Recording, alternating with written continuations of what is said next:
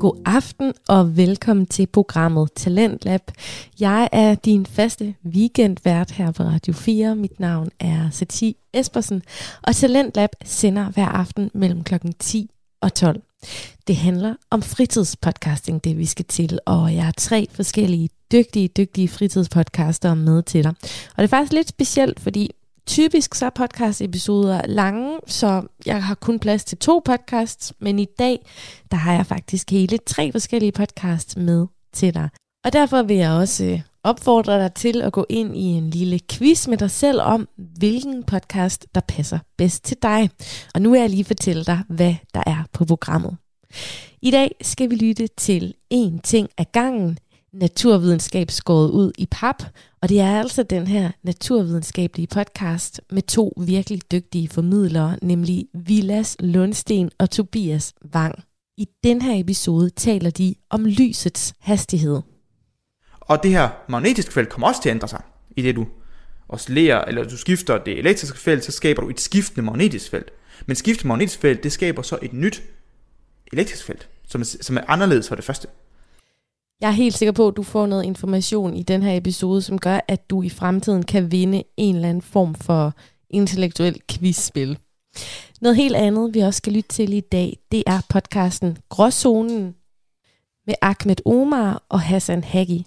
I dag, der taler de om at blive afvist i byen. Tag fint tøj på, og når jeg siger fint tøj på, så mener jeg ikke, du ved, på tøj. Det kan godt at du ser på ud, og du ser rigtig fed ud, du ser stilet ud. Du skal lige en havsnækker.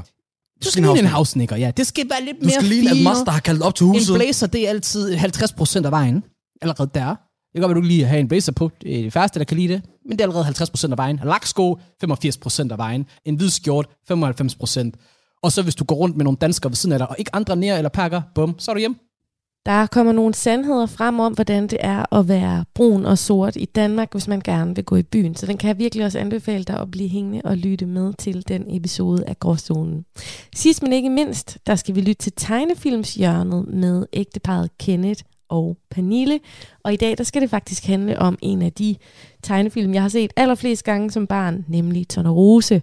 Den så jeg så ufattelig mange gange på min VHS-maskine. Så øh, den dykker vi ned i lidt senere på aftenen. Det er en prinsesse, som vokser op. Der sker noget ondt. Ja. Altså, fortælleteknikken er den samme. Det, det er den samme historie, vi går igennem. Hun hedder bare noget andet. ja. Og så er det ikke dværge, men så er det tre feer i stedet for. Ja. Skal vide, om du allerede har valgt, hvilken podcast-episode, der passer bedst til dig. Jeg håber, du giver alle tre en chance, og så kan du jo ligesom i Melodi Grand Prix sidde og give dem point undervejs. I dag lægger vi ud med en ting ad gangen. Rigtig god lyttefornøjelse. Vilas, hvordan har du det egentlig med fart?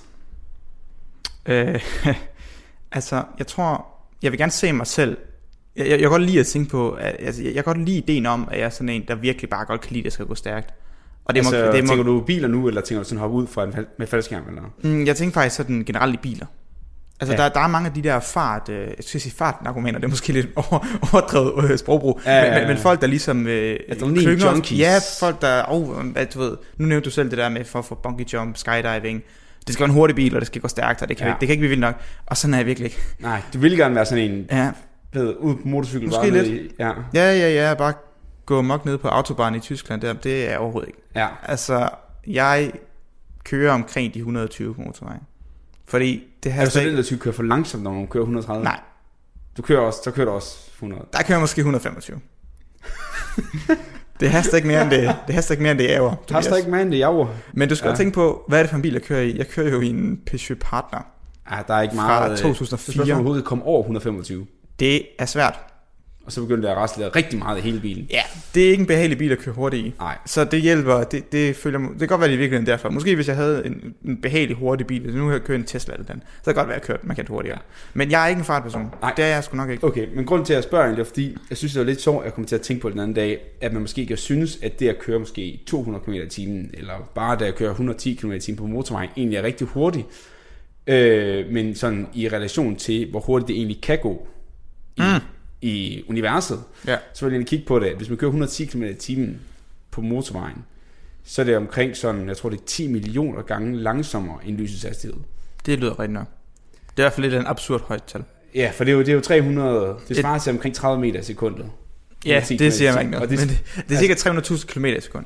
Ja, Det er sådan, jeg husker det. ja, og så hvis det er 300 millioner meter i sekundet, Mm. og vi kører omkring 30 meter i sekundet på, øh, Ja, på så passer det jo meget godt. Ja, det er bare for sådan set det lidt i... Relief. Ja, det vil sige i forhold Ja, til, hvor hurtigt det en går. Ja. Men så der måske tænke, skal vi ikke... Du, har- for, du snakker om, vi skulle snakke lidt om lyshastighed. Ja, det var lidt min plan i dag. Øh, det var lidt tanken, fordi det er en underlig idé, det der med, at lysets hastighed, man plejer at sige, at lysets hastighed er konstant. Ja. Og med det så mener vi, at lysets hastighed er konstant i vakuum. Og at det har en øvre grænse for, hvor hurtigt det kan bevæge sig.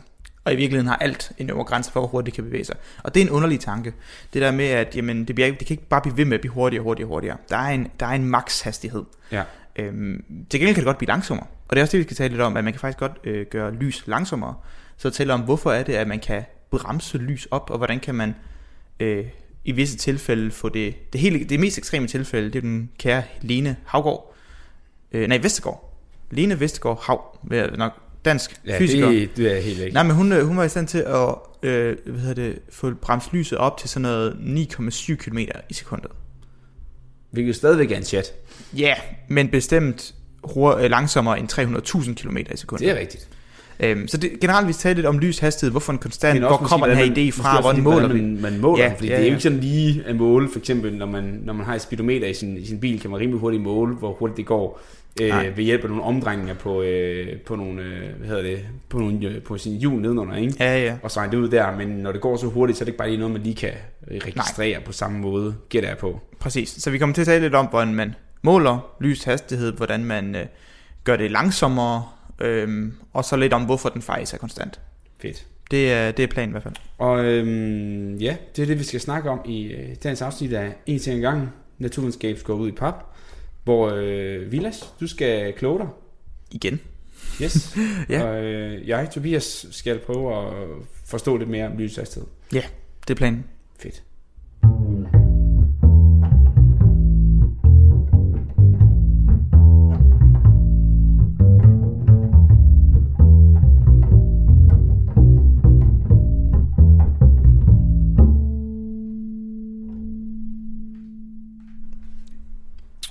Så nu fandt vi ud af, Vilas, at du ikke rigtig var en fartbølge. Nej, det, det Men- vil være synd at sige. Der vil jeg måske sige, at det er jeg måske lidt. Nå, Så øhm, hvis nu jeg var interesseret i at ramme en rigtig høj hastighed, for eksempel lys hastighed, hvordan vil jeg så gøre det? åh, hvordan vil du gøre det? Skal jeg lave mig selv om til en foton? Er det det, jeg skal? Ja, ja, ja, det vil være det absolut bedste, fordi Fedt. problemet med at accelerere dig op til høj øh, hastighed, det er, at du vejer en masse. Øhm, Okay. Og du må forstå Det, var, mig ret. øh, det er hårdt sagt, synes Jamen jeg. ved du hvad, det er hellere at være ærlig, Tobias. Du har taget lidt på, og jeg vil hellere, at du skal høre det fra mig, end høre fra mig. Åh, oh, jo. Nej, det er en joke. Ind på den første date. Ej, det, Det, er jeg, jeg, jeg ved, Tobias ikke har taget på, for han er en utrolig fedt guy, så det tror jeg bestemt ikke. Nu smiger du. Ja, ja, lad os komme videre. så nej, øhm, i virkeligheden, så nu, nu ser du om til en foton, det vil være det absolut bedste, du gøre, fordi fotoner har ikke masse. Øhm, og jo lavere masse, eller ingen masse, desto bedre, jo hurtigere kan bevæge sig.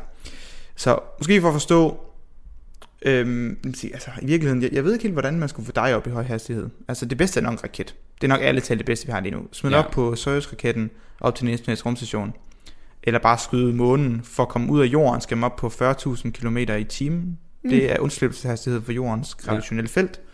Så det er nok det bedste, vi gør lige nu. Det er at sende Ja. dig til månen. Men ellers, men ellers så er der ikke rigtig mange ting, der kan overhovedet nærme sig. Nej, overhovedet ikke. Altså det eneste, vi kan gøre, det er jo, som nu har vi tidligere snakket om CERN en gang imellem, men det der med at accelerere partikler. Ja. Så vi kan ikke accelerere hele øh, objekter, som mm. mennesker bruger og stole, men vi kan godt tage en enkelt elektron, en enkelt lille bitte, bitte elektron, og den kan vi godt skubbe op til øh, lyshastighed. Kan, man, kan elektronen godt ramme lyshastighed? Altså ikke ramme, men komme meget- så tæt på. Meget, meget det, tæt på. Ja, ja, altså fordi du kan også få protoner op. Altså det er jo det, vi gør lige nu på CERN. Øh, Jeg ved ikke, om den kører lige for tiden, men det er jo det, vi har gjort i noget tid. Så protoner får, men vi får dem op på sådan noget 99, og så måske 9 nitaller. Altså 9, 9, 9, 9, 9, 9, 9, 9, 9. Ja. Så det- det er effektivt, men, men der er en grænse, fordi hvis du har en vægt, så kan du ikke ramme lyshastighed. Nej, nej. Okay, super. lyshastighed kan kun blive opnået, hvis du er vægtløs. I hvert fald med sådan, som vi forstår fysikken lige nu. Men, Ja, ja, ja, ting kan jo altid ændre sig. ja, men, men nu skal det, er set- også, det, det, den skal vi ikke ud i. Det bliver sådan længere øh, Ja, filosofi omkring fysikkens fremtid. ja, ja, øh, ja, det tager vi en gang. Men nej, ja, Men, men, jeg synes egentlig, det kunne, altså, det var en, en, en, interessant at forstå, forstå sådan historisk, hvor, hvor den her, hvor kommer det fra. Så basically skal man forestille sig, at i sådan slutningen af 1800-tallet, der er der ikke særlig mange folk, der ved noget om lys. Øhm, altså det, der er jo nogen, der er eksperter, men, men der er ikke, det er ikke bredt forstået. Der er primært en rigtig, rigtig dygtig gut, som hed øh, James Clark Maxwell, mener jeg, han hedder. Oh, Ja, ja, vi- Maxwell. Ja, Det vi, siger noget. det er altid, vi refererer, jeg refererer altid til ham som Maxwell, så jeg er lidt i tvivl om. Jeg ved, at han hedder James Clark Maxwell. Ellers Ja, så det var, du siger noget om øh, nogle ligninger, føler jeg. Ja, så, så så sagt Maxwells ligninger. Yes, præcis. Yes. Så Maxwell skrev fire ligninger op, øh, som i princippet skulle kunne beskrive elektromagnetismen øh, komplet. Var det, i var, var det bare hans arbejde? Det bare sådan, han skrev fire ligninger, bum, Jamen, det var ikke- det var ikke- Mic drop. Jamen det var nemlig det, det var faktisk ikke hans arbejde helt. Nå, Fordi den første ligning, det var en af Gud, der hed Gauss, der havde skrevet den. nå. Men jeg tror... Så, han skrev tre ligninger, og så var den Nej, fordi den anden, det var en, der hed Faraday's lov, så den har han heller ikke skrevet. øh, eller undskyld, den anden er Gauss' lov for magnetisme. Så den tredje er vist nok Faraday's lov. Altså, okay, så i virkeligheden så tilføjede han kun... Okay, men, okay, men det lyder... Han tilføjede, han tilføjede et ekstra led til en af en allerede velkendt ligning. Og det var hans contribution. Men det, der måske er mere vigtigt, det er, at han så en sammenhæng Okay. mellem mange ligninger, og han forstod, at hvis man skriver dem på den rigtige form, han var dygtig til matematik, så har du en komplet forståelse af elektromagnetisme, elektricitet og magnetisme hjælp af ligninger. Ja. Og, det er det, og det er det, der var så vildt. Så hans store bidrag var egentlig at se en, en, en samling på alle de her udspredte idéer, tilføje noget til det selv, og så sa- samle en komplet idé. Altså et bind, øh, bind hvad hedder det, knude på posen-agtigt Yes. øh, og konkludere, at der var en pose, faktisk. Øhm, så det er Ja, det, den gjorde. ja, men, yes. men, det, men på så det tidspunkt, det her taler vi slet ikke om lys endnu. Nu- Jeg har sagt øh, i tidligere afsnit, øh, lys det er elektromagnetisk, bla, bla, bla, men det vidste vi ikke på det tidspunkt. Lige nu vidste vi bare, vi har noget, vi kan lave nogle, vi har nogle elektriske felter, vi har nogle magnetiske felter, den kan vi beskrive sådan her. Ja. Øhm, Altså, man, det- vidste, man vidste selvfølgelig, at der var lys. jo, man er med på, at lys Ja, fandtes, ja. ja. for sure, men man vidste ikke, hvad lys bestod af. Nej, nej. Og så når man sidder og kigger lidt på de her ligninger, så er det jo ofte prøve, det er svært at forstå, okay, hvilken fantastisk fysik ligger der i de her ligninger. Fordi mange gange så har du bare en beskrivelse, der siger, hvis x, så y. Og det er svært at sige, okay, men i hvilke scenarier er det vigtigt, at den her relation gælder? Hvor ligger de spændende fænomener og de spændende ting? Og så introducerede han mange gange det, som i dag bliver refereret til et tankeeksperiment. Som egentlig var blevet gjort på, den her idé med at lave eksperimenter i, i hovedet, det var egentlig noget, Einstein gjorde rigtig populært. Men, men James øh, Clark Maxwell var den første til sådan rigtig gøre i hvert fald som jeg har hørt. Der er nok måske været et par før ham. Men Er det, er det det, man kalder sådan teoretisk fysik? Eller, eller Ja, hvad? ja, så det vil sige, hvad, hvad mener man med et tankeeksperiment? Så ideen er, at hvis du tager den fysik, du kender, du har nogle ligninger, der beskriver noget, og så siger du, hvis vi nu forestiller os et eksperiment, som er sådan og sådan og sådan, hvordan vil de her ligninger øh, forudsige eksperimentet? Og så man siger, jamen vi taler jo ikke bare om at forudsige eksperiment. Jo, men der er forskel på det her, fordi man skal tænke på, at teoretisk fysik var en relativt ny ting i, i 1800-tallet. Så før 1800-tallet, så fandtes ideen om teoretisk matematisk øh, naturvidenskab ikke rigtigt. Øhm, det kom relativt sent, at vi skal til at bruge matematik, og matematik var vigtigt, og at du kunne bruge matematik til noget overhovedet var en åbenbaring for nogle mennesker. Så det der med at kunne forestille sig eksperimenter i hovedet, og udføre de her eksperimenter på et teoretisk plan, og så prøve at forstå det, det, det var nyt. Og, og det, det kan man vinde meget forståelse ved. Okay. Øh, så det han gjorde, det var, han sagde, hvad sker der, mon? Lad os sige, vi tager en ladet partikel, af en ladet partikel, elektron, har jo negativ ladning. Vi tager den, og vi placerer den på en pæl. Og den her pæl, den flytter vi op og ned.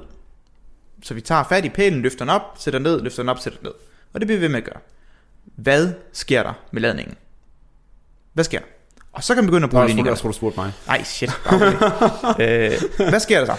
Øhm, og, og så begynder jeg at sige, nå okay, men vi ved, at når du har en ladning, der bevæger dig, når vi øh, ændrer accelerationen på en ladet partikel, vi ændrer det elektriske felt i det, vi får den til at bevæge sig, det genererer et magnetisk felt. Det kan man se på sådan en ligning. Ah, okay, nu har vi genereret et magnetisk felt. Super godt. Men i det, at det elektriske felt ændrer sig, kommer du også til at ændre det magnetiske felt, du danner. Og et ændrende magnetisk felt, det danner et elektrisk felt. Og så, Og altså, jo som er separat fra det første. Ja, så det, det var mange gange, der er jo flere sammenhæng, men, det er en af de sammenhæng, der er mellem elektriske og magnetiske felter. Mm. Det er, at hvis du har et varierende magnetisk felt, så kan det danne elektriske felter. Har du Altså, er det et fordi- varierende magnetisk felt, så danner du et magnetisk Så felt. når du siger, at det er fordi, den både går op og ned, Ja, Fordi den, ikke bare fordi den har en retning, men den også skifter retning. Ja, det er lidt det. Så man kan sige, hvis den nu stod stille, så vil Ja. der være et konstant elektrisk felt omkring det. Det Yes. vil være uændreligt. Det er, som det er. Det er stationært. Men i det, at du oscillerer den, så begynder du at ændre på feltet. Du begynder at, at, flytte på det og justere det, og der er måske nogle relative effekter. Forestil dig, der man kan måske sådan helt simpelt forestille dig, at du står lige ved siden af. Så vil du mærke det elektriske felt forskelligt. Så for dig som observatør vil du registrere et varierende elektrisk felt, Yes. i det at ladningen den flytter sig. Fordi et elektrisk felt, det afhænger af afstanden. Så fordi du rykker på afstanden til dig, så vil du ændre E-feltstyrken, og du vil effektivt mærke et oscillerende felt. Ja. Så det er en måde at se det på. Så det vil sige, at han tænker, okay, vi laver det her tankeeksperiment, vi flytter på den her ladning, som har et elektrisk felt, og i det vi flytter på det, så skaber vi et magnetisk felt, fordi at når du varierer elektriske felter, får du et magnetisk felt, det ved vi fra en af Maxwell's ligninger. Og det her magnetiske felt kommer også til at ændre sig, i det du oscillerer, eller du skifter det elektriske felt, så skaber du et skiftende magnetisk felt. Men skiftende magnetisk felt, det skaber så et nyt elektrisk felt, som er, som er anderledes fra det første Okay. som også skifter, og som danner et nyt magnetisk felt. Og nu tænker du, hov, hvad, hvad, hvad, hvad, sker der her? Vi, vi sidder... Nu er vi i gang med at lave en anden lavine, føler jamen, jamen, præcis, vi sidder og laver en eller anden form for endless loop. Domino something. Eller, Ja. ja. domino effekt. Øhm, og det der er, det er at den her, det her du vil skabe, er faktisk en bølge. Fordi den her øh, skiftende magnetiske og elektriske oscillering, den er selvpropagerende, vil jeg sige. Så det vil sige, at den propagerer af sig selv frem, Yes, og propagere, det betyder og bare... at bevæge sig. Ja. Eller, det gør det ikke helt, men i den her sammenhæng, der betyder det sig. Ja, man kan sige, at den, den skubber til noget, som skubber til noget, som skubber Ja. til noget, som skubber til noget. Ja, fuldkommen. Sådan fremad, ikke? Ja. Lidt ligesom man kan forestille lidt, basically en dominoeffekt, ikke? Ja. At den ene domino vælter, så rammer den næste, som vælter den næste. Ja, det kan man den godt næste, sige. Vælter den næste. I det her tilfælde, så vil analogien så være, at i det en dominobrik vælter den foradrettende, så skaber den en ny dominobrik foran sig, som så vælter. Og i det den vælter, skaber den en ny dominobrik foran sig. Ah, så, så det skulle være ja. analogien her. At, i det, Okay. at når en dominobrik vælter, så danner det en do, ny dominobrik foran, som så bliver som, ramt som, og vælter. som, som, så kan vælte, og så Og lave den en ny. vælter, så laver den en ny. Okay, og, og det tænkte, så tænkte James, øh, James, som jeg jo kalder ham, fordi vi, vi er gode venner. Det, mig James. mig og James. Ej, så tænkte herr Maxwell. Det var da en spøjs effekt, jeg prøver at beskrive. Så der bliver dannet en eller anden form for bølge, som er selv, øh, hvad hedder det, op. Den kan opretholde sig selv. Og den bevæger sig så, og tænkte, det var da spøjst. Så prøver man at se, okay, hvad, hvad kan vi sige om den her bølge? Hvilke informationer har vi? Så nu prøver man så at regne, regne, regne. Hvad har den for en hastighed? Hvad har den for en bølgelængde, hvis vi gør sådan og sådan, sådan? Og når han regner hastigheden, så finder han ud af noget, som egentlig giver okay mening. Så han finder ud af, at øh, hastigheden på den her bølge afhænger kun af to, kun af to ting. Og den ene, det er, øh, hvis nu siger, at vi er i luft, så vil det være luftens modstand for at skabe elektriske felter. Okay, så hvad mener jeg med det? Så når vi danner et elektrisk felt, så er der en, et, et, et mål for det, som hedder, øh, hvad er det, vakuumpermeabiliteten. Det tror jeg, det er den her. Det vil så være for vakuum, ikke luft. Det er så byttet om på. Der er permittivity og permeability eller sådan noget. Altså, jeg tror størstedelen, når du lytter til den her podcast, ikke ved, hvad de to ting er. jeg eller ved- hvad forskellen er på I dem. virkeligheden ved jeg, hvad de beskriver, så det er ligegyldigt, hvad de hedder. Ja, det, Så det, det viser sig, at der er en, øhm, når, når man prøver at danne et elektrisk felt, så er der en naturlig modstand fra det medie, du er i, om det er luft eller vakuum eller hvad det er. Og den kan vi måle. Så vi måler vakuums øh, modstand for at danne et elektrisk felt. Så det kræver noget. Så det, kan, det er de- alle de molekyler og partikler, der er for eksempel i luften. Jeg vil ikke tænke for meget over det. Fordi der kunne, det kunne også være vakuum, og så er der også en modstand. Så der er en naturlig modstand for at danne elektriske felter i vakuum. Okay.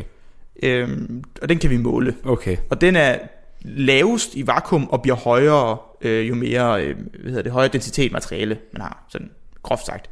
Det følger ikke bare sådan lineær med densitet. Men for, for en, en simpel analogi, så kan du forestille dig, at det er sværere at danne E-felter i luft, som det er i vand, som det er i øh, bly. Ja, så man kan forestille sig lidt, lidt ikke, ikke på det men lidt som at man tænker, at hvis du kører rigtig hurtigt, så er det rart at gøre det øh, i, øh, i, øh, med hovedet i, gennem luft, frem for hovedet gennem vand, frem for hovedet gennem bly. La, ja, lad, lad, lad, lad os sige det sådan. Fordi det, altså, det, Der er noget modstand af en art. Ja. Der er klart, der er en masse fysik galt i det, men, men lad, os, Ja, lad os men tage en- grundideen. analogimæssigt, Lad, lad os tage grundideen. Ja. Øhm, så det vil sige, at hastigheden for den her bølge, den afhænger af, hvor modstandsdygtig er, lad os sige, vakuum, for at der bliver dannet elektriske felter, og hvor modstandsdygtig, eller hvor, hvor, hvor meget modstand gør vakuum, når der bliver dannet elektriske felter. Og det giver jo egentlig okay mening, fordi vi har lige vurderet, at der bliver lavet den her bølge, som hele tiden danner en magnetisk øh, felt, som danner et elektrisk felt, og det giver måske god nok mening, at hvor hurtigt den her bølge bevæger sig, den afhænger nok også af, hvor svært det er at få lavet magnetiske elektriske felter.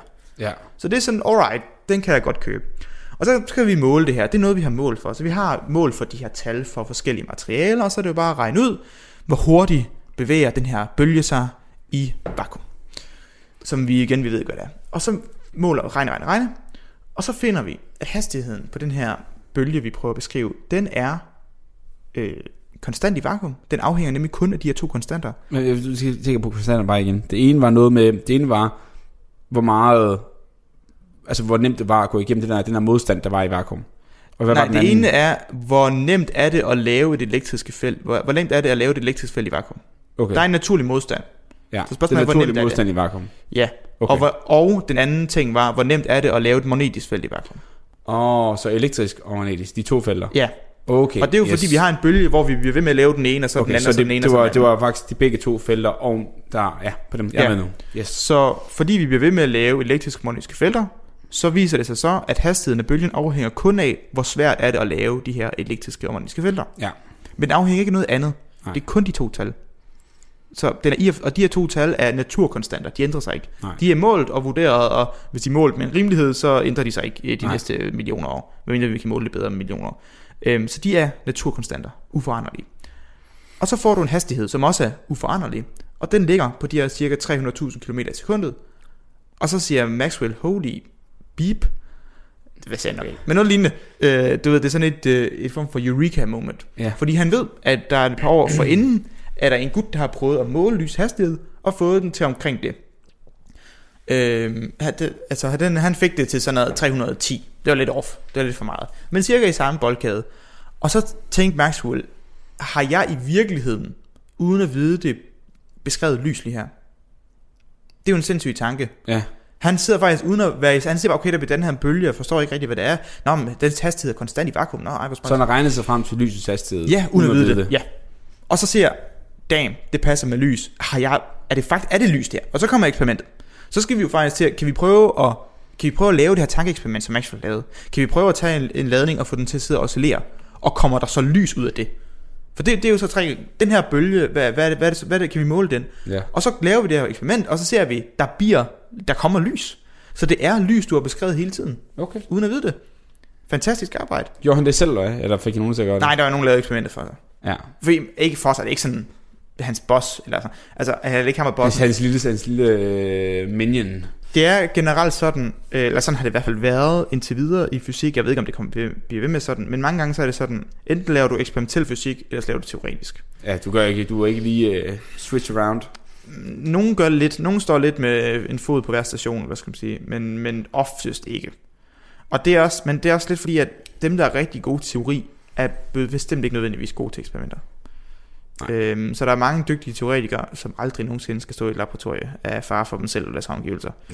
Og der er rigtig mange utrolig skarpe eksperimentalister, som ikke øh, kan kende en ligning fra, ah, det er ikke rigtigt. De, de er stadig ret gode til matematik, men de er ikke teoretikere. Nej. Så de er ikke på samme niveau som teoretikere. Okay. Så, så gennem tiden har der bare været en naturlig adskillelse. Det må vi se om fortsat. Ja. Det var også lige en, en, yes. Et tidsspor. Så en, der var Øhm, god til eksperimenter, jeg kan ikke huske, hvad han hed, men han var sikkert også vigtig. Øh, det er jo han ikke blevet nemt, men det, det var det. Han, han, han, han verificerer det her, og så siger vi, du ved, damn, vi har fundet lys. Og den ser ud til at være konstant i, øh, i vakuum, fordi vi kan se ud fra Maxwells ligninger, som burde være komplet beskrivelse af elektromagnetisme, at jamen, hastigheden øh, i vakuum afhænger ikke af andet end de her to naturkonstanter, som ikke ændrer sig. Yes. Og så er spørgsmålet så, okay, det er vores forudsigelse. Så er det næste så, er det så også rigtigt? Lige nu har vi kun postuleret det. Vi har, mm. vi har registreret, lys ser ud til, ud fra Maxwells ligninger, at være konstant. Ja. Vi kan, vi kan, vi kan postulere, at laver vi det eksperiment, så bliver der dannet den her type lys. Okay, det gør der også. Når du siger postulere, hvad mener du så? Jamen altså, der, før eksperimentet blev lavet, så lavede du et postulat, så påstår du, at det passer. Okay. Og så prøver du så at se, om det er rigtigt. Yes. Så, så han, han, han, han siger, det er det rigtigt, lad os, tror jeg. Lad, lad, lad, lad, lad os teste det. Så lidt ligesom en hypotese. Ja, det kan man ja. sige. Øh, og så viser det sig, okay, der bliver fundet lys, øh, som matcher hans beskrivelse, men du måler ikke så tit lys hastighed som eksperimenter. Nej. Så de eksperimenter, der måler du, bare, du ser bare, der lys kommer lys. er der. Ja. Øhm, og de har måske også den bølgelængde, som vi forventer, alt Yes. efter hvor hurtigt vi øh, oscillerer den her Ja. øh, partikel. Fordi så sad jeg og tænkte på, at er det så nu, vi skal, det næste, vi skal om, det er så måske, hvordan man så rent faktisk måler det. Ja, Det Fordi jeg sad nemlig og tænkte på, der nævnte du lige før, at der var en dude, der noget tid inden Yes, også der havde målt, målt det. det. og Yes, der yes, var sådan lidt, hmm, hvordan har han så målt det? Ja. Men det er det næste, vi skal snakke om. det er det nemlig. Okay, skal vi så bare øh, komme i gang med det? Lad os det.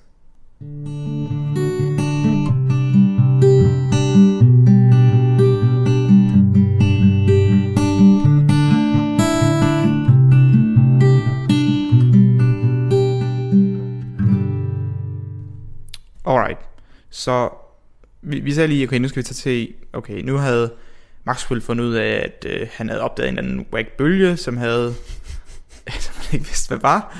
Og den så jeg havde, og skriver der, det er det fandme whack. jeg tror ikke, man talte sådan i 1800-tallet.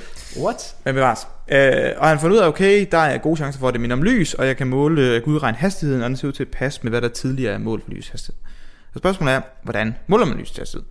Øhm, fordi du kan jo ikke bare, altså, man kan sige, du er begrænset lidt af normalt, hvordan, hvordan vil du måle hastigheden noget som helst? Nu nævnte du det med, at du har en bil tidligere, så kan du måle på, hvor mange gange roterer dækket, og du ved, hvad omkredsen er. Må jeg komme med et bud på, hvordan man måler hastighed? Ja, Fordi det, som jeg vil gøre, hvis jeg, jeg ikke, lad os sige, at jeg ikke havde noget som helst, mm. sådan, så jeg vil måske opmåle en afstand. ja, Og hvis jeg, jeg så går ud fra, at jeg har, jeg kan måle meter. Jeg måler 10 meter. Mm. Og så det jeg gør, det er, at jeg, hvis nu skal måle, hvor hurtigt jeg løber, så vil jeg så sige til nogen, tæl, hvor lang tid det tager for mig at løbe derfra og dertil. Ja. Så vil jeg ligesom gange det op og sige, Nå, hvad svarer det til at løbe de der 10 meter på 5 sekunder? Så ganger man det op, og så får man et eller andet. Så får man gang op til en, øh, afhængig af hvilken hastighed man kan. Men meter i sekundet, jo, så kan man så rimelig nemt sige, det var så 2 meter i sekundet. Yes. det kan man ikke. Med lyshastighed. Ja, det kan man gøre. Nå. Og der er en super spøjs grund til det. Det er sikkert ikke den grund til, at du tænker, ah, du ved, te- teknologien er der ikke. Teknologien er der. Vi kan sagtens gøre det. Det, kan Nå. bare, det passer bare ikke, fordi at problemet er, at det er svært at få to uger til at være synkroniseret. For du skal tænke på, de afstande, du kommer til at arbejde med, er meget, meget små. Så det er meget, meget svært at få... Du skal jo du skal have to uger, der er totalt enige om, hvad tiden er. Ja. Du ser, at du har et ur i starten, der siger, nu sender vi en laserlys sted, og så er der en måler, der siger, nu har vi optaget det her laserlys. Ja. Ja. Problemet er at få de her to uger til at være enige om, hvornår blev ting sendt afsted, og hvornår ja. blev ting optaget. Fordi du kan ikke synkronisere dem faktisk. Du kan ikke få dem til at køre samtidig. Hvorfor kan man ikke det? Ja, hvis du nu siger, okay, nu tager vi to uger, jeg holder dem, sætter dem på bordet, jeg trykker start, jeg ser, ah, de to uger, de Og det er passer sådan nogle sammen. atomure eller sådan noget. Sådan, Ja, ja, et eller andet, et eller andet, et eller andet whack øh, godt ur. Jeg siger det ord for meget. Lidt, undskyld. Jeg, jeg, jeg, jeg fjerner det ord fra mit ordsprog. uh, jeg kan ellers godt, så jeg godt lide ideen om, at Maxwell er- han sidder og kigger på den alene og siger, damn, that's whack. thy, thy measurement is whack indeed. Det kunne være sjovt. Også fordi han var fra Skotland, så det er sådan en tyk skotsk sang. whack. Ja, Nej, det kan jeg ikke. nej, jeg, lad os være med at gå ud i den. Nå, Men sorry. problemet er, at hvad hedder det, to uger øh, kan ikke synkroniseres, fordi at, og det, det ved vi så nu, at når noget bevæger sig, så går dens tid langsommere. Yes. Ja. Det er det, der hedder time dilation. Så det viser sig, og det er egentlig det Einstein fandt ud af, det fandt jeg faktisk ud af det senere. Og det på dansk time dilation, det er... Øh, Tidsforkortelse. Øh, okay. Nej, forlængelse. Ja. Dilation er forlængelse, Dilation, contraction er forkortelse. Tidsforlængelse. Ja. Så ideen er, at det viser sig, at fordi at lysets hastighed er konstant i vakuum, eller de fleste, Mm. altså, det, det er en konstant størrelse, den kan ikke blive større end den er i, i vakuum. Øhm, så er det jo sådan, at øhm, det har nogle spøjse implikationer. For eksempel så betyder det, at det viser sig, at når du bevæger dig, øh, hvis jeg bevæger mig i forhold til dig, Mm. og du så, jeg har et ur, jeg holder et ur og viser dig, øh, du ser time, du ser et, øh, hvad hedder det, urskiven gå, øh, sekundviser, Ja. den tæller. Hvis jeg begynder at bevæge mig i forhold til dig, så vil du kigge på mit ur og se, at det går langsommere end dit. Men for dig, der går det Der går det, som det skal. spidsen. Yep. Fint. Øhm, Men jeg, men jeg ser, at det går hurtigere. nej, langsommere. Langsommere. Ja. Ja, forlængelse. Okay, yes. Så, og hvis jeg bevæger mig tilpas hurtigt, så vil du se, at det går langsommere, langsommere, langsommere. Ja. Så, Så den her, det, den... tættere man kommer på lyshastighed, Ja. ja. des langsommere går det. Ja, og du skal tænke på, når du går fra 0 til 10 km i timen, så kommer du også tættere på. Det er bare ofte så lidt, at det behøver vi ikke højde for. Mm. Altså, vi, det er ikke vigtigt. Jeg behøver ikke, altså, vi behøver ikke sige, at vi mødes klokken 6, og så tager du en bus, og så passer det ikke længere. altså, det er jo ikke, det er jo ikke sådan, det virker. Jeg tror, jeg skal bruge den undskyldning, hvis jeg kommer for sent, og sige, jamen altså, ifølge mit ur, Ja, der ja, så, er passer, så var jeg faktisk right on time. der var jeg faktisk klokken Øhm, 6. Så. men men det er en effekt, der sker. Den er så lille, at ved små hastigheder, så mærker vi den ikke rigtigt. Men den er til stede, når vi skal måle sådan noget præcis som lyshastighed. Så hvis vi tager to uger, og tænder dem samtidig, så de passer, og de er synkroniseret, Ja, ja. og så i det, vi rykker et uret, så er det faktisk udsat for time dilation. Og så kommer det faktisk til at ikke være synkroniseret med det første ur, når du har rykket det ned. Og den Hvad mængde, Hvad så, hvis man flytter dem begge to? jamen så har du ikke et ur det første sted. Det var det, du sagde, du ville. Det var, at du skal have et ur til at starte med, der siger, nu måler vi det. Og så gør det ur ned for enden, og så siger, nu har vi Nå, målt hvis nu man har dem, altså hvis forestiller man skulle måle fra den ene ende til den anden, kunne man så ikke Ja. bare starte i midten, og så flytte dem hver sin retning? Hen til Nej. slutningen og hen til starten. Nej. Nå. For det gør det samme. Du rykker stadigvæk på det. Nå, så går, men, Så selv, selvom men, du men, rykker dem lige hurtigt, så kommer du stadig til at skabe time dilation. Men, men så er de bare dilated lige meget, er det ikke det? Begge uger. Øhm, altså, der kommer til at være en forskel, og jeg kan ikke huske hvorfor, men det passer ikke i hvert fald. Men jeg kan måske også, det... Skal også forestille sig, at det er svært at bevæge dem præcis nok, kunne jeg forestille mig. Ja, men det er ikke det, der er problemet. Der er et andet problem. Jeg kan, jeg kan ikke lige huske det. For jeg ved, det der, det er der nogen, der har foreslået. Og der er en meget god grund til, at det, det går også galt. Basically, så går alle tilfælde... Jeg tror, vi skal måske lave et afsnit omkring generelt speciel, speciel relativitet, som det her, jeg prøver at beskrive, Ja. med, med tidsforlængelse og længdeforkortelse. Og så går vi lidt mere i dybden med det. Okay. Øhm, fordi så har jeg også lidt bedre tid til Ja. at forberede mig. Men- For jeg ved, men i at hvert fald der, er, der er- foreslået uendelig mange konfigurationer, hvor at de bliver starter på midten og bliver taget langt fra hinanden med samme hastighed, ja. og der er lavet alle mulige ting, og vi Okay. synkroniserer dem ved hjælp af de her elementer. Det gør alt sammen galt. Ja, på grund af det her så, time dilation. Ja, så ideen er i hvert fald bare, at... at Du kan at ikke have det- to uger. Man kan ikke have to uger. Du skal have et ur. Ja, fordi, og grund til, at man skal have, og grund til, at man ikke bare kan bruge et ord til det, det er simpelthen, fordi man, man er nødt til at have sendt noget, for eksempel ligesom jeg sagde, når at jeg skulle måle mig løbe, så har man også kun et ur. For eksempel sige, der måler mig herfra, og så stopper, når jeg kommer derover. Og grunden til, at man ikke bare kan have et ur, det er simpelthen fordi, at man skal jo kunne se, at det ankommer, og når man ser noget ankommer, det er jo lysets hastighed, og så dur det jo ikke. Ja, præcis, så går det galt. Ja, okay, så, Så- det er ligesom derfor, så man ikke kan bruge et ur, ligesom i, i det tilfælde, du kan godt før. bruge et ur, men skal du lave om på, hvad du gør. Okay, Så det vil sige, i stedet for at have en start, og så en, en slut, og så skulle se, ah, nu tror jeg, han er ved linjen, tryk stop. ja, Øhm, så det, man har i stedet for, det er, at du får lyset til at flyve tilbage igen. okay, Med spejl. Så man tager er en tilpas stor afstand, og så øh, hvad hedder det, sender lyset ned på spejlet, og så kommer det tilbage igen, og så i den mellemtid, så ved du, så uret starter, når du sender lyset afsted, så kører det, Ja. og så når lyset kommer tilbage, så stopper det. Fordi, du ved, det tager noget tid for lyset at røge ned til spejlet og tilbage igen. Og så trykker du stop, og så har du målt lyshastighed. ja, Meget enkelt, meget simpelt måde at gøre det på. Øh, I rent praktisk set er der en masse bøvl med det. Altså 10 meter er jo ikke nok. Nej, man skal Øh, forstå rimelig, meget, rimelig lang afstand for Ja, at have det- noget, der er sikker nok til at kunne måle. Øh, Og det er også super bøvlet med elektronik, fordi når, når du, der er jo også en masse med elektronik triggers, altså det med, hvornår starter uret. Fordi hvornår bliver lys sendt afsted? Der går også et elektrisk signal gennem en ledning. Elektriske signaler man kan langsommere. Ja. Så det, det må du så korrigere for, og satse på, at den elektriske delay, der er på, at du starter, er den der også, når den slutter, så forhåbentlig cancellerer det hinanden. ja. Right. Der er en masse bøvl med det her, rent praktisk set. ja, det kan godt mærke, at det bliver, øhm, det bliver rigtig bøvlet, når, når yeah. man arbejder med noget, og alt, hvad vi tænker på normalt. Det, altså det hastighed, vi snakker om normalt, for eksempel også bare det, jeg snakker til dig, der kommer der noget med, øh, hvad hedder det, 1000. lydens hastighed, for Ja, eksempel, er over til dig cirka jo. 1000 km i timen. Ja, det er jo ingenting, men der tænker man jo allerede, at, og det er rimelig hurtigt, jeg tænker jo ikke på, at der er en delay, når mm. jeg Mhm. siger noget, og du modtager det. Men når vi kommer op i de der helt sindssyge øh, hastigheder, at man slet ikke kan fatte det, at sådan, at når vi skal også huske, at en computer skal sende et signal via en ledning. Hvor Ja, lang er ja, den ja. ledning? Ja, ja, den er så... Altså, hvor, hvor meget støj og forurening er der i signalet, og ja, ja, hvor godt virker vores detektor og sådan ting. Ja, det er godt der er mange nok, ting at øh, tage, tage hånd for. Så Men det her okay. er den bas, sådan basale måde, vi gør det på. Og den har vi så forfinet. Så vi gør mange gange det samme, stadigvæk. Så vi sender stadigvæk lyset ud, og bliver, ramt mm. spejl på en eller anden måde. Så enten så flyver det måske frem og tilbage et par gange, eller et eller andet. Du laver en konfiguration, sådan ja. så at det bevæger sig længst muligt, og så bliver målet igen. For jo længere tid det kan flyve rundt, jo mere præcis kan du måle øh, Ja. tiden. Og så okay. Har du den bedste mulige måling af lyshastighed. Hvordan i alverden målte, målte ham der dyven der så? Det er tilbage i, hvad var det, du sagde? Var det i 1800-tallet, eller hvad? Øh, ja, jeg tror faktisk, det var allerede i slut 1700-tallet. Hvordan i alverden, hvis han ikke har haft de der detektorer alt muligt crazy, hvordan har han så kunne måle det med, jeg ved godt, det har stadigvæk været med en maven på 10 km i sekundet, ja, ja, men det er jo ja. stadigvæk relativt tæt på øh, det rigtige. Yes, så basic... Nu vil jeg sige basic lige meget. Øh, jeg er virkelig bevidst omkring min ord i dag. Så det han har gjort, det er, at han havde et form for gear. Så forestil dig et gear, der, der ligger på et bord. Og det her gear, det, når du rammer ind imellem dine gear øh, pinde, eller man skal sige, takker. Ja, Hvis du rammer ind imellem- hvis du forestiller render- sig et, øh, Ja. forestiller sig et cykelgear, ikke? Så hvis du rammer ind imellem det, så kan lyset passere.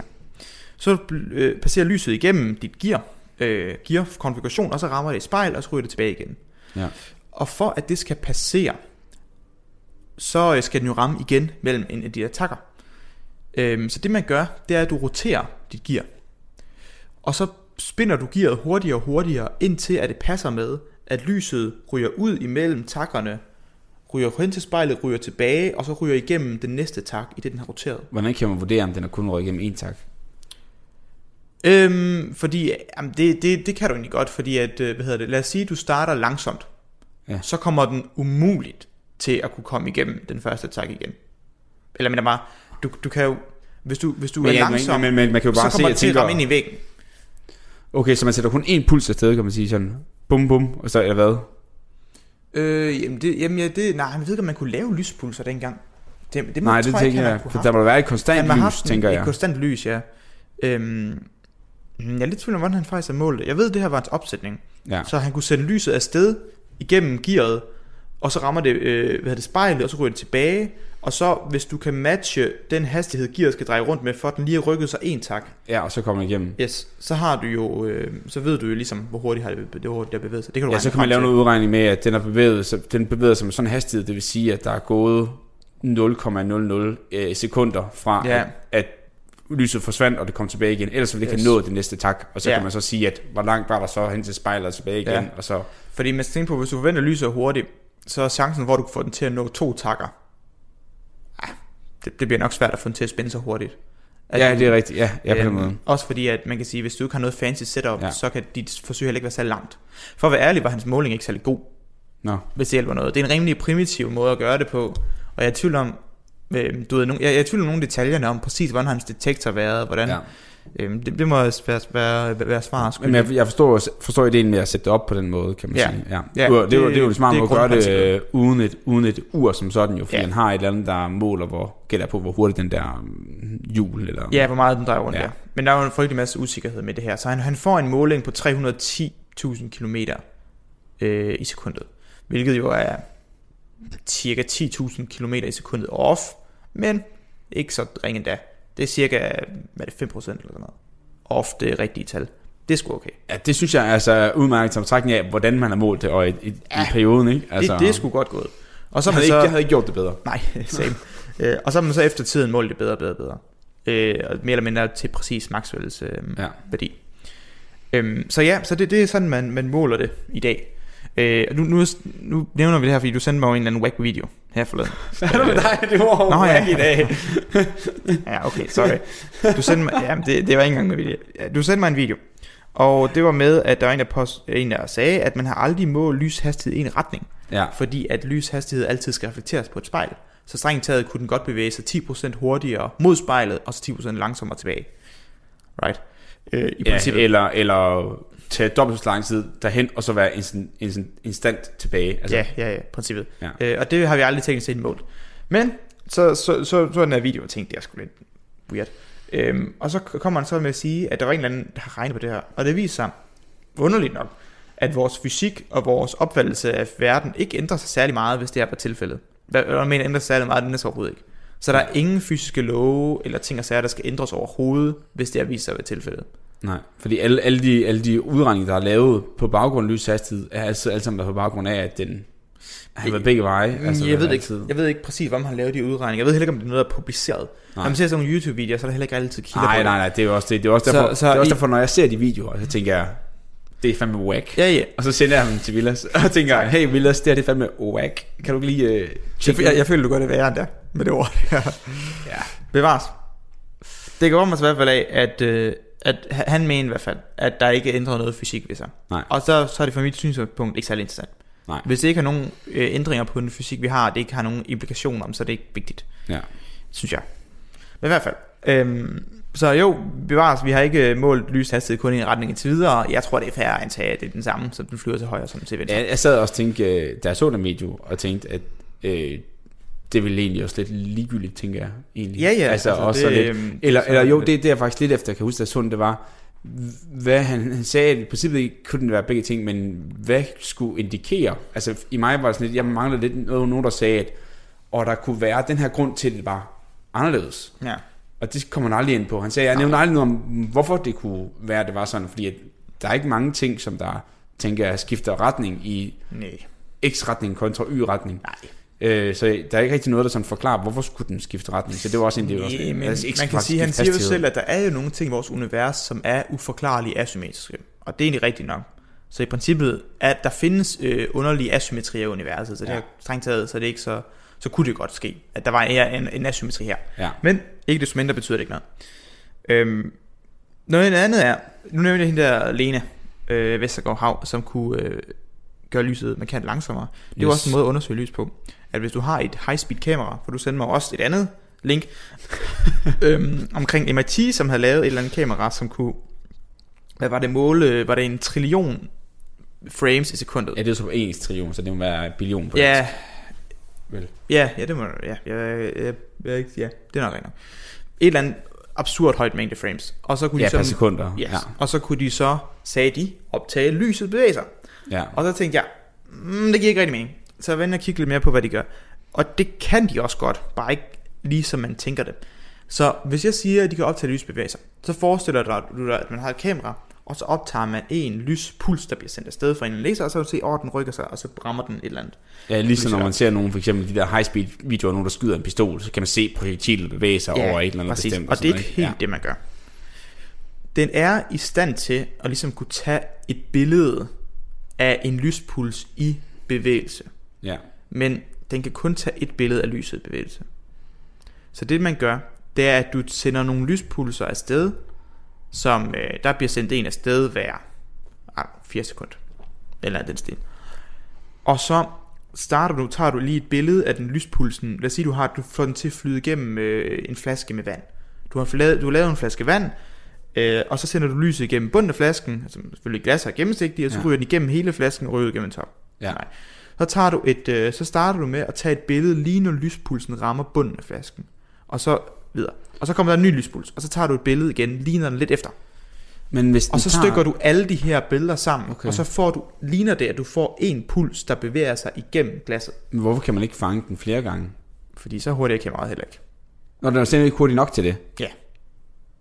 Okay. Så man skal have noget, der er endnu hurtigere end det, for at kunne fange den? Ja.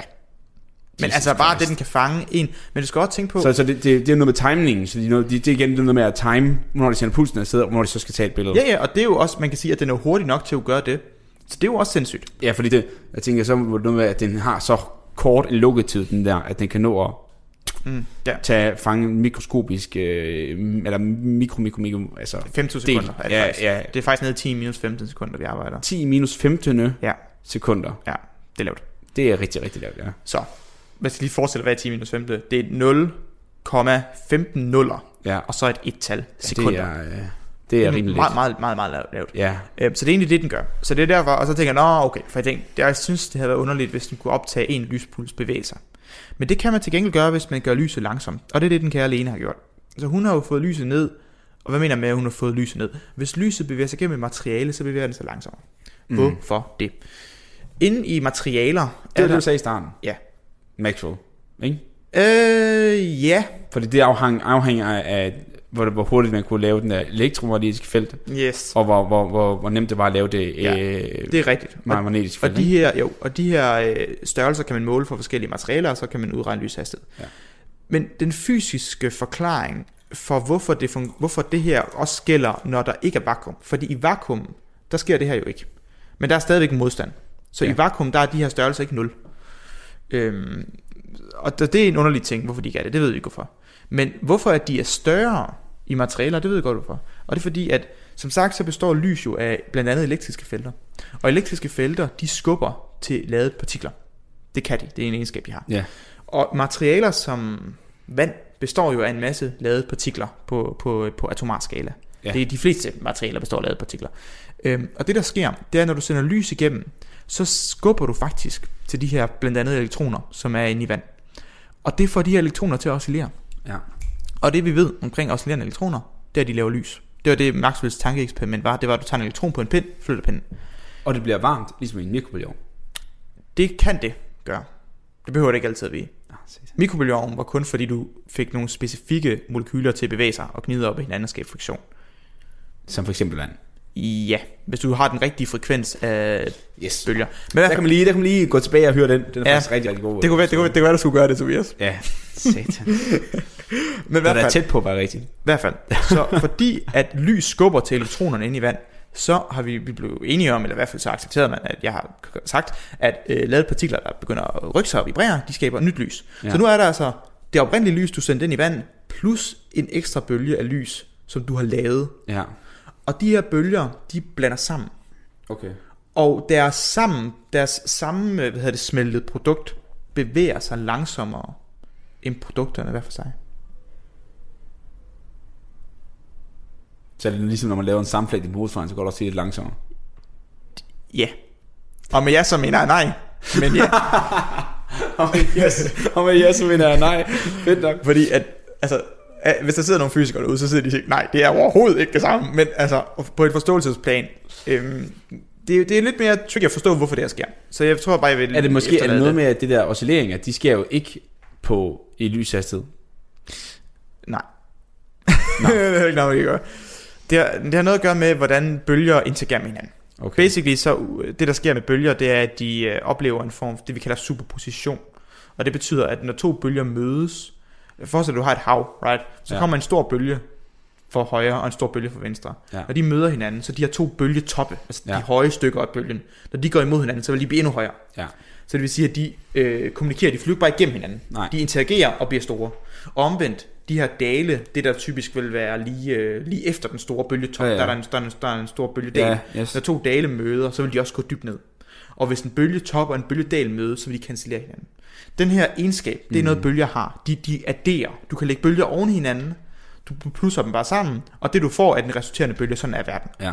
Og den her effekt viser sig, at når du så adderer øh, de her to bølger, du laver, så er den resulterende bølge langsommere. Og så, og så bliver den så langsommere for hver gang det her sker. Nej. Fordi den her øh, bølge, der bliver lavet, den bliver lavet ind i dit materiale. Og det er afhængigt af, hvordan elektronerne øh, er, er lagt sammen i dit materiale, som afgør, hvor meget vibrerer elektronerne, og hvad er det for en bølge, de laver. Så det har ikke noget at gøre med, hvor meget bølgen der er. Det har noget at gøre med, hvad det er for en bølge, der bliver lavet. Og den Okay. her bølges signatur, den er afhængig af materialet. Okay, så man kan sige, så snart de ligesom laver den, den men, men du, lad os nu sige, du sender lyset igennem vakuum, og så der bums rammer det vand. Ja. Så lige når det rammer vand, så skifter det hastighed, og så beholder den hastighed hele vejen igennem dit vand, Ja. Og så snart det kommer ud af vandet igen, Ja, skifter så er det tilbage nogen, til, øh, øh, skifter Ja, det, ja, luft vil det så være, typisk. ja, luft, ja, eller, ja, det vil sige, så giv, Øhm, går det tilbage til den, mm. fordi den så igen vil møde, altså, hvordan går den tilbage sige- til, Jamen det, for nu er der jo ikke nogen, øh, nu rykker den jo ikke på nogen elektroner. Det vil sige, at nu bliver der ikke lavet en ny bølge, som den superpositionerer med. ja, okay, ja, så der kommer ikke den der anbølge, så nu kan den bare fortsætte, Ja. spidsen. Så det er derfor, at man skal ikke tænke på, at nu siger Mm. jeg bremset op. I virkeligheden er bremset op lidt et forkert ord. Ja. Fordi at det, det lyder jo lidt som om, at, at, at, at så skal den speedes op igen. Ja, Altså det der, man, når man tænker bremse, så tænker man, Så okay, det- du har en lysbølge, der flyver igennem, nu er den, lang, nu er den langsommere, nu kommer den ud af vandet igen, og så er den stadigvæk langsom, fordi du har gjort den langsommere. Ja, ja. Sted, og det er ikke det, der sker. Nej. Så det er ikke som sådan en opbremsning, det er bare et ord, vi bruger. Det, det, hvis, hvis jeg måske ikke kan forstå det på en måde, så lyder det lidt som om, at man kan forestille sig, at det er lidt ligesom sådan en... Øh, lidt måske lidt som sådan en ping, pingpongmaskine, eller sådan, hvor det er sådan, man skal igennem, du kommer flyvende lige ud, og så skal du igennem en masse ting, og så går den sådan lidt langsommere, fordi den skal igennem en masse ting. Ja. Og så, så kommer du på den anden side, så er der ikke noget, der er i vejen længere, og så flyver den bare. Det er heller ikke sådan der. Fordi det, der, det, der, det, det er faktisk en klassisk misforståelse. Der er mange, der forklarer fænomenet på den måde. Nå, Men problemet er, at hvis det var sådan, så ville lyset flyve i alle mulige retninger. Så ville ikke beholde, så ville ikke beholde den oprindelige retning. nå, okay. Så derfor, ja. Så beklager. Der er ikke Nå, nogen det er gode- scattering og sådan noget. Yes. Okay. Og scattering, så ryger det i. Der er også nogen, der har troet, at den bliver absorberet og sendt afsted. Og så fordi det tager noget tid at blive absorberet og sendt afsted, så slår det den ned. Ah. Men det sender den også ud i alle mulige whack retninger. okay. De her to processer med, at den rammer noget og flyver væk, eller at den bliver absorberet og bliver sendt ud, det har, det, den, det, den her proces tager ikke højde for, hvilken retning det kommer fra. Nej, okay. Så det forklarer ikke, at når vi tager noget vand og sender lys igennem, så flyver det igennem og ryger ud igen i den samme retning, som det kom fra. okay. Faktisk lidt for skudt Så parallelt. det er den her merging, eller sammenflætning af, af to bølger, bølger, som, der får gør, det til at, at gøre langsomt. Og så okay. når de er unmerged, så bevæger de sig, som de vil gøre ellers. Ja, så, så den nye bølge, der blev lavet Mm. derinde i det her vand her, den vil så blive merged med nye bølger, men det er jo de samme signaturbølger, der bliver merged med. Ja. Så derfor fortsætter den med den samme hastighed. Ja. Yes, okay, det giver Så mening. det, det er derfor, man skal tænke, det er derfor, man, det er derfor folk siger, lyset har altid den samme hastighed. Det er derfor, man mener det. Fordi at Ja. du, du, du, du tager bare din lysbølge, og så blander du den sammen med en anden øh, elektromagnetisk bølge, som laver en overordnet bølge, der er langsommere. Ja. Og så når det bliver delt fra igen igen, så er det som det altid har været. Jeg tror, jeg har en analogi, jeg synes, der måske giver mening. Fyr. Så må du, får du sige til mig, om det er helt forkert. Så man Det kan faktisk forestille dig, at du kører i bilen, Ja. og din bil den kan køre 130 km i timen, det er max. Og det er ligesom vores øh, hastighedsgrænser. Men så snart du kommer ind på en, øh, en, en vej, hvor der er sådan, du kun må køre øh, 50 km i timen, så bremser bilen sig automatisk op til 50 km i timen, for du må ikke køre hurtigt derinde. Mm. Ligesom at køre ind på en vej, hvor du kører 50, men så snart du kommer ud igen, så går den jo op, fordi så er der ikke nogen flætning med en vej, hvor du siger, at du ikke må køre den her hastighed, så må du gå ud, og så kan du køre det, du rent faktisk gerne vil køre. Det er også forkert. Fordi at, det, fordi, det, fordi at i den analogi, så kræver det energi at accelerere bilen op igen. op igen. Og det Og det kræver det energi at bremse den op, og det gør det ikke. Det er derfor, at bølger på atomat plan er ikke helt ligesom alle andre ting. Men man og kan, ikke det rigtig, man kan ikke rigtig finde en anden analogi, Nej, og det er et kæmpe sådan formidlingsproblem. Og det, jeg tror, jeg, jeg var faktisk lidt sådan, jeg havde lidt forbehold for at tale om elektromagnetisme, da vi startede podcasten, fordi ja. det er et emne, som ikke sammenligner. Du kan ikke sige om en elektromagnetisk bølge ligesom en bølge i vandet. Jeg ved godt, jeg gør det nogle gange, bare for at skabe en eller anden form for intuition. Ja, ja, ja. Men det er det bare ikke. Det er Nej. fundamentalt noget andet. Mm. Så an, de fleste analogier går galt på et eller andet tidspunkt. Så man skal tage øh, analogien med en grad salt og sige, den her kan forklare lige det her ene koncept, men Ja. så går galt ellers. Men så når vi snakker om lysets hastighed i forskellige materialer, så dur det jo ikke længere. Nej. Nej, okay. Så vi kan bremse i gåseøjne lyset ned ved at få det til at flyde igennem materialer, hvor vi så kan få dannet. Så handler det som om, hvis du skal langt derned, så nu skal du så få et materiale, hvor at den bølge, du får lavet ved at øh, øh, hvad hedder det, oscillere elektroner, den skaber den langsomste resulterende bølge. Mm. Eller også skal du, I don't know, jeg har ikke læst eksperimentet, det burde jeg faktisk. For jeg tænker også sådan, at om vi sender en anden bølge ind. Om vi sender en separat bølge ind, som så mødes med lysets bølge i materialet, og så skaber det i don't know. Man må kunne lave nogle udregninger for, hvis jeg sender bølge X ind, hvad skal den optimale bølge være for at gøre det langsomst muligt? Og det er jo nok det, de har gjort. kan man Ja, og så har de opnået det resultat på en eller anden måde. ja. Så man kan sige, at for den, der observerer det, der ligner det i hvert fald meget tydeligt, at man bremser den. Fordi hvis Øh, du, hvis ja. står ved siden af og kigger på, så kan det godt være, at, man, at det at sige, at den bremser den, men hvis man laver, hvis man, hvis man tænker med vores analogier, som vi sagde før, så ligner det jo, at den går ned i fart, og så stiger igen. Ja. Så, så man kan sige, for den, der observerer det, hvis man skal lave sådan en ja, analogi, som vi snakkede om før, så kan det ligne, at det er det, der sker mm. i princippet. Yes. Men det er ikke det, der sker i virkeligheden. Yep. Ja. Og vi er faktisk nået 50 minutter nu.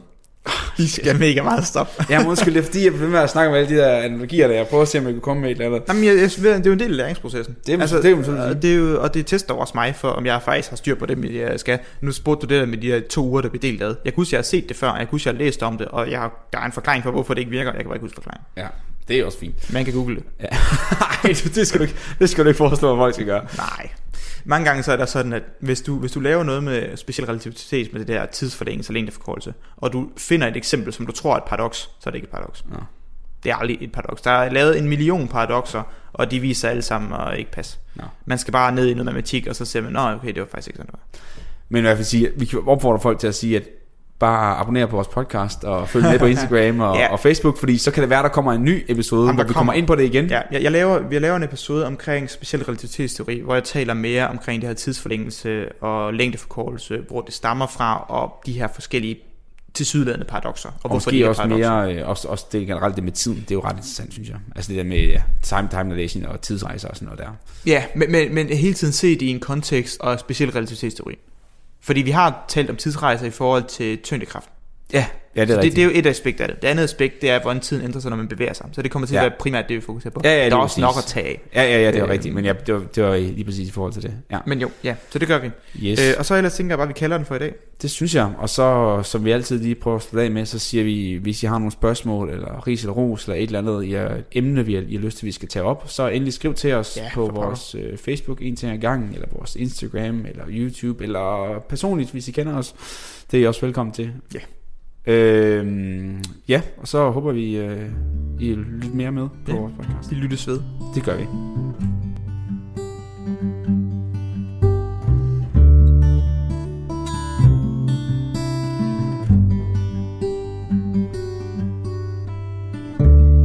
Nu er der nyheder, men på den anden side af nyhederne, der har jeg to forskellige fede podcasts med til dig, nemlig Gråzonen og Tegnefilmshjørnet. Så bliv hængende.